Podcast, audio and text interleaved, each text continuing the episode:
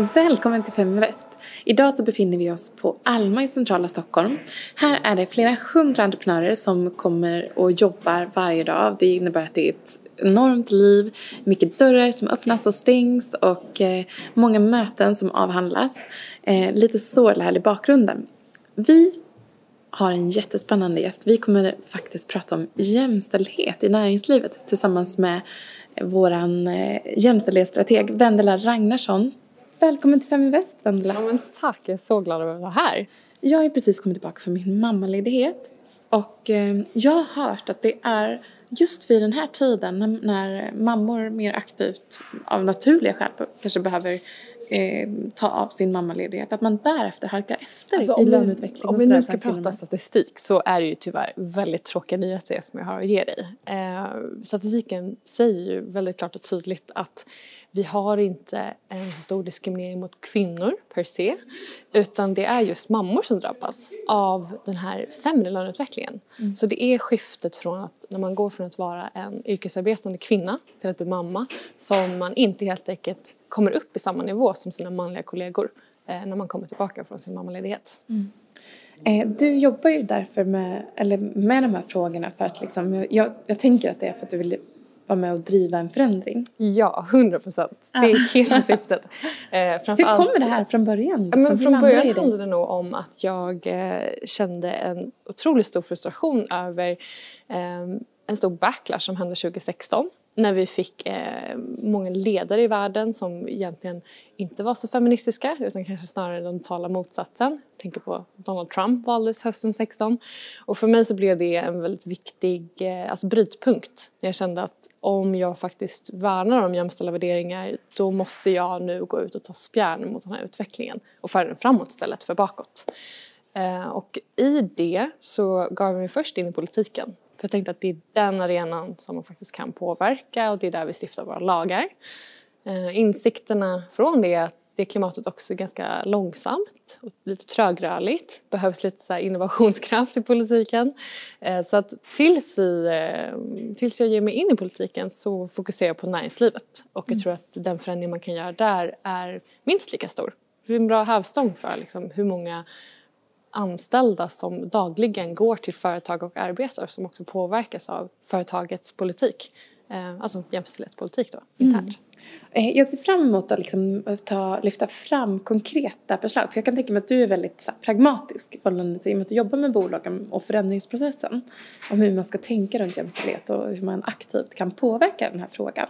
Men om, man, om vi liksom kikar tillbaka, vad, vad låg innan? Vad, vad kände du inför de här frågorna? Har du alltid liksom haft ett stort engagemang eller har du varit med om någonting orättvist liksom, som har Mm, jag tror snarare att det handlar om att jag verkligen är så born and raised in till en väldigt samhällsengagerad familj och att jag har vuxit upp med diskussioner runt liksom, middagsbordet och alltid liksom formats efter att här, vara nyfiken och vilja lära mig mer.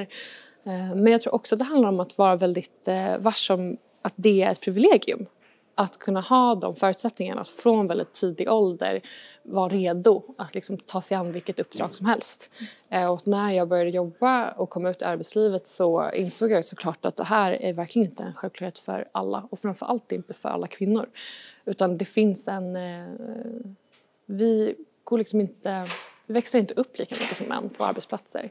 Och det finns fallgropar på arbetsplatser som gör att eh, kvinnor inte helt enkelt nå de positioner som män gör. Mm. Och mitt jobb är att täppa igen de här fallgroparna. Mm. Så eh, konkret, hur ser det ut idag i Sverige? Och då, om vi liksom kollar på bolag eh, generellt eh, men också jämför lite med hur det ser ut på börsen tänker jag. I mm. vi representerar en investerare. Exakt. Jag tror att det, så som läget har sett ut historiskt är att vi har, vi har fokuserat väldigt mycket på att räkna representation på ledande positioner. Eh, vi har räknat antalet börs vi har sett på vilka industrier som är duktiga på att tillsätta kvinnliga VDR. Eh, Allbright kom ut med sin årliga ranking över vilka som är duktiga på det här och vilka som är katastrofalt dåliga på det. Och det tänket har ju på något sätt, eh, det har liksom blivit norm, att det här, det här bör vi göra. Och jag tror att det jag vill göra det är ett, liksom ett 2.0 av att räkna och börja fundera på att utöver att vi ska få kvinnor på ledande positioner så måste vi också fundera på de kvinnor som kanske inte är chefer. Alltså den stora massan. Hur mår de? Hur sjukskrivna är de? Hur stressade är de? Och finns det liksom aspekter alltså inom de områdena som, som gör att vi helt enkelt halkar efter? Mm. Och svaret på den frågan är ja. Och hur kan man då aktivt jobba med den typen av frågor i, i företag? Och vilken typ av förändring bidrar det till? Jag tror det sker i tre faser, helt klart. Eh, du måste fundera på ett, var du letar. Om vi börjar tänka liksom på rekryteringsfasen för att attrahera kvinnor överhuvudtaget. Eh, många företag som kommer till mig har kanske ett problem där grundläget är att vi absolut inte har några kvinnliga anställda. Vi är ett mansdominerat bolag som vill attrahera kvinnor. Och då börjar ju liksom steg ett med att här, varför hittar de inte till företaget? Eh, och hur, vad finns det liksom för, alltså, vad har du för relation till det här varumärket som kvinna? Det är steg ett. Och när du väl har lyckats rekrytera jämställt och kanske få in personer på eh, 50-50, låt säga att eh, helt plötsligt skulle du, ett bolag göra en supersatsning och faktiskt börja rekrytera 50-50 i liksom juniora tjänster. Så ser vi ju liksom att det är någonting som ändå sker med de bolagen som gör att kvinnor inte stannar längre eller att de inte utvecklas likadant. Alltså inom juristbranschen är det extremt tydligt att du har en väldigt jämn fördelning på liksom ingående positioner eh, till biträdande jurister men att det är väldigt få som är delägare, eh, mm. kvinnliga delägare. Så någonting händer längs med vägen och det man måste fundera på då är kulturen, otroligt viktigt, och vilka du eh, satsar på. Alltså vilka anställda är det som du sätter liksom extra kompetensförhöjning till, vilka är det du liksom ser som chefsmaterial. Och jag tror att eh, det finns jättemånga justeringar man kan göra i ett företags strategi kring så hur du eh, är liksom proaktiv i ditt jämställdhetstänk. Just det. Mm. Du jobbar ju aktivt med de här frågorna. Hur reagerar näringslivet, företagsledare och liksom de anställda på när du, när du pratar och lyfter den här frågan? Jag tror att de är, eller jag vet att de är väldigt positiva. För responsen eh, på byrån och den verksamheten jag driver är odelat positiv. Det finns dock en viss eh, omogenhet, man är också villig att betala för den här typen av tjänst. Jag tror att det är väldigt många som förstår att det är viktigt med jämställdhet men man vet inte hur man ska ta sig dit för att börja praktisera det i alltså realiteten. Och det är det som vi vill bidra till. Vi vill få företagen att inse att det räcker inte bara med att ta ställning för det här, ni måste implementera det i organisationen. Och för att göra det så måste ni ta hjälp mm. utifrån. Så det finns liksom, vi måste också i vårt uppdrag utbilda kunder i att gå från att på något sätt arrangera kanske ett event eller ett frukostseminarium till att faktiskt lägga om sitt, sin affärsstruktur eller sin eh, eh, personalpolitik så att den också har liksom det här jämställdhetstänket i mm. sig. Jag tänker att det finns liksom många olika värden här i, när det kommer till jämställdhet som man som bolag kan, kan tjäna på. Du har berättat några utav dem. Men kan man faktiskt tjäna pengar på det här? Jämställda team, eh, och då pratar vi alltså om könsaspekten, eh, är mer, är mer produktiva. Och eh, personer som arbetar i jämställda team mår också bättre. Man trivs alltså bättre på sin arbetsplats. Så om man ser liksom på the overall alltså avkastningen för bolaget kommer ju vara högre. Så att om du investerar i ett bolag på börsen som är jämställt så kommer du få en bättre avkastning på dina pengar. Mm. Eh, och detsamma gäller liksom alla företagsledare som vill vara konkurrenskraftiga både i sitt liksom brand och sitt värde mot sina anställda så kommer liksom jämställdheten vara the secret sauce. Och eh, jag vill verkligen också på något sätt bredda det begreppet till att prata om diversity. För det är verkligen inte bara kön som är en aspekt av eh, diversity utan det är ju såklart liksom alla bakgrundsvariabler som kön, ålder, etnicitet, utbildningsnivå. Det här är ju mycket bredare än att bara prata om män och kvinnor. Mm. Och det här är ju det här är väldigt spännande tycker jag för att jag tror också att det ligger, alltså it makes sense att där, desto bättre beslutsunderlag, fler synpunkter som kommer till bordet, fler tankar, erfarenheter, desto bättre underlag för att fatta bra beslut framåt. Liksom. Man, om man eliminerar risk och så vidare. Eh, kan inte du bara ge några konkreta tips på hur man ska tänka när man liksom aktiverar jämställdhet eh, som en fråga för bolaget man jobbar på? För det vet jag att du är väldigt liksom, eh, driver väldigt aktivt just det här work-life balance. Berätta om mm. vad du tror är liksom morgondagens arbetsplats. Morgondagens arbetsplats handlar ju om att vi måste anpassa alla arbetsteam till att ge förutsättningar för att både mammor, eh, äldre, yngre ska kunna ha samma förutsättningar. Och att det inte bara är anpassat för liksom en profil. Kanske en hårt arbetande 28-årig eh, handelsstudent eh, som är kille. Mm. och då måste vi börja lyssna in till behoven. Så jag tror att det nästa steget, det absolut enklaste ett företag kan göra, är att börja eh, föra en dialog med sina anställda kring okej, okay, vi ser att eh, den här och den här gruppen trivs inte lika bra, presterar inte lika bra. Vi måste gå till botten med problemet och förstå vad de behöver. För att börjar man liksom inte i den behovsanalysen då kommer du aldrig få en lösning på ditt problem. Mm. För du hittar bara på lösningen utan att egentligen veta vad kärnan i problemet är. Så jag tror att genom att bara fråga till exempel eh, mammor vad kan vi som företag göra för att skapa en bättre arbetsplats för dig? Då kanske man kommer landa i insikten att, Ehm, att det kanske inte var liksom att om man ser till exempel att mammor är stressade då tänker man att nu ska vi begränsa vår e-mail-policy och, och säga att man får inte mejla eh, efter klockan sex på kvällen. Det kanske slutar med att de blir ännu mer stressade för det var den där, det där passet mellan åtta och nio på kvällen som de får saker gjort efter att de har eh, lagt barnen och att det här egentligen inte alls var en bra lösning för dem. Mm. Medan det kanske istället handlar om att eh, det finns en kultur av att man känner sig att man har lite dåligt samvete för att man går klockan tre. Och hur kan vi få bort den där shaming-effekten? Mm. Mm, intressant. När man kollar på, på till exempel tillväxten av jämställda bolag på börsen så ser man att det är många av de yngre bolagen som, som har kommit in på börsen och därmed bidragit till ökningen av jämställdhet. Eh, för att man har liksom ett nytt, mer flexibelt tänk och det är industribolagen som ligger efter lite där.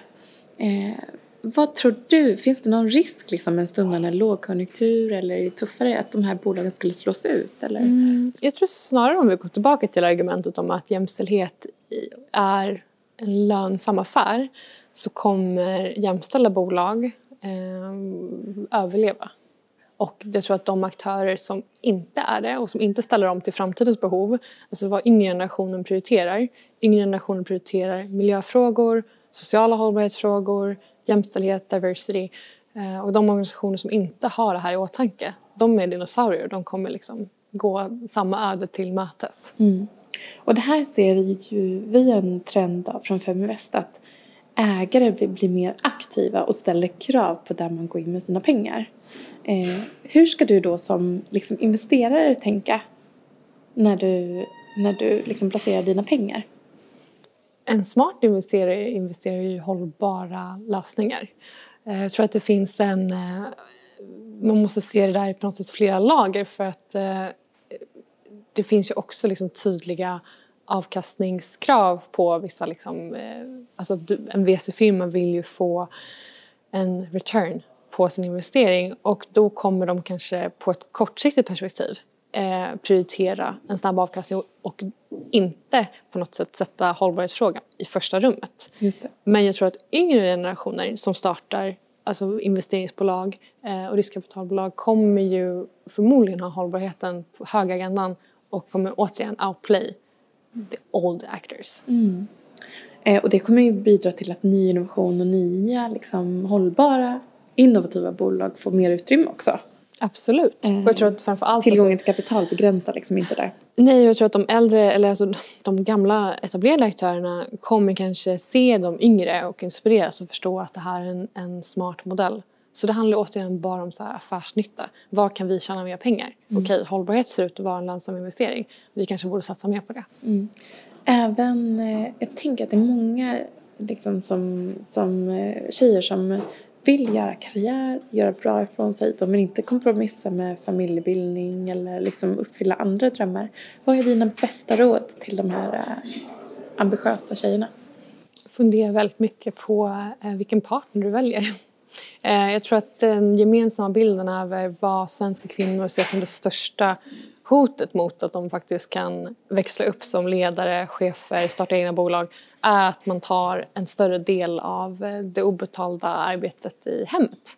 Att man tar liksom ett, eh, utöver att ha ett heltidsjobb så har du också liksom ett heltidsansvar i att sköta projektledningen kring, en hel, kring ett helt hushåll. Mm. När det kommer på arbetsplatsen då, hur ska man tänka? Jag tänker liksom när det kommer till löner, befordran och så vidare. Det finns eh, några så lågt hängande frukter man kan plocka eh, som företagsledare. Dels så kan du fundera liksom på hur du utför ditt eh, lönesamtal med dina anställda. Det här ska inte på något sätt bakas ihop med det som kallas liksom medarbetarsamtal. Ofta sker det här i samma fas men vi ser att kvinnor är sämre på att eh, förhandla upp sin lön eh, och att män är bättre på det. Och genom att eh, vara mer transparent i så här, det här, nu ska du ha ett lönesamtal om en vecka. Jag vill att du förbereder argument för vad du har gjort under året och eh, ha, ett, eh, alltså ha en, på något sätt, eh, ett, en målbild över vad du vill tjäna i framtiden.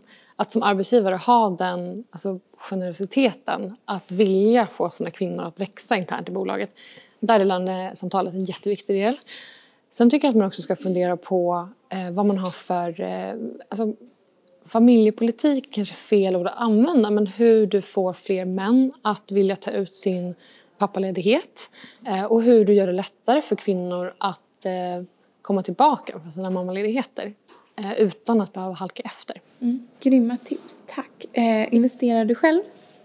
Jag skulle säga att jag investerar med min tid just nu. För jag har inte riktigt kapitalet som, eh, som krävs för att gå in liksom på ängelnivå. Men genom att vara smart med sina barter deals så kan jag liksom växla min, eh, vad jag har i form av brainpower mm. till ägande istället. Mm. Och när det kommer till eh, bolag på, på börsen, kikar du på några där? Ja, jag var jättearg över att H&M liksom inte har eh, gått så bra de senaste åren. Men nu såg jag att de minsann har gått upp så mm. det var eh, härligt att se. Mm. Men jag måste bli bättre på det, mm. helt ärligt. Eh, stort tack Vendela för att du kom och delade med dig av din kompetens och råd runt hur man ska, som anställd ska tänka. tänka alltså dels liksom kravställning eh, men också delat med dig av lite trender och spaningar och vad, vad vi tror liksom kommer att vara viktigt framåt. Både när det kommer till arbetsplatser och liksom hur man spenderar sina dagar men också investeringsmässigt vad man faktiskt får avkastning på. Det här måste vi följa upp om något år tänker jag. Så ser vi så här, ja. vad har blivit bättre. Exakt, då ska vi se om de verkligen har börjat gå från ord till handling och slutat prata om vikten och istället börja agera på jämställdhet. Det hoppas jag. Ja. Stort tack. Tack.